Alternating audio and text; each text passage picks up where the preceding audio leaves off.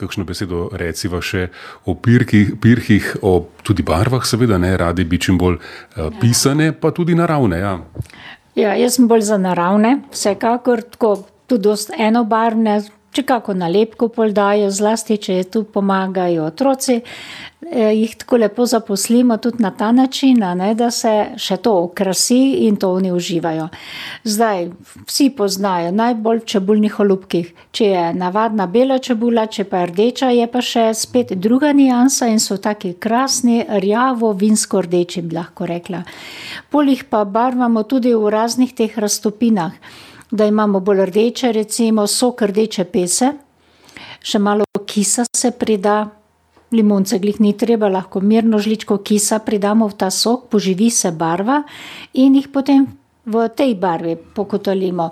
Rdečo papriko tudi se lahko raztopi v vodi, v toplo vodo raztopimo in potem jih tudi barvamo v tej vodi. Kombinacije, kaj vem, tudi v ruskem čaju ali kuhajo v teranu. Pol so take iskrice, taki kristalčki gor, a ne. Zdaj, kjer imajo teran tudi tako v, kako bi rekla, v večji količini, da si ga lahko na ta način privoščijo, da jim ga ni škoda.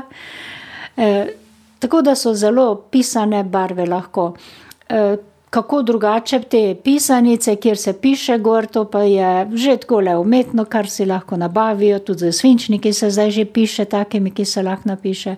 Včasih smo kakšno deteljico, tele, to zelenje, listke, raznorazne oblike, dali prav v tistele končke raztegljive nogavice, fino zavezali, to se je že tudi kak popoldan prej naredilo na sveža jajca.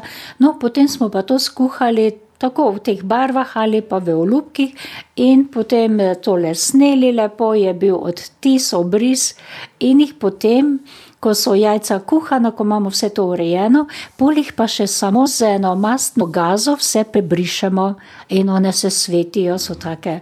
In jih lepo si nastavimo, da se še majhno osušijo, izhlapijo, kako naj rečem. Kjer pa bomo nalepke dali, pa ne moremo prej z maščobo, da se nam bo lepo prijelo.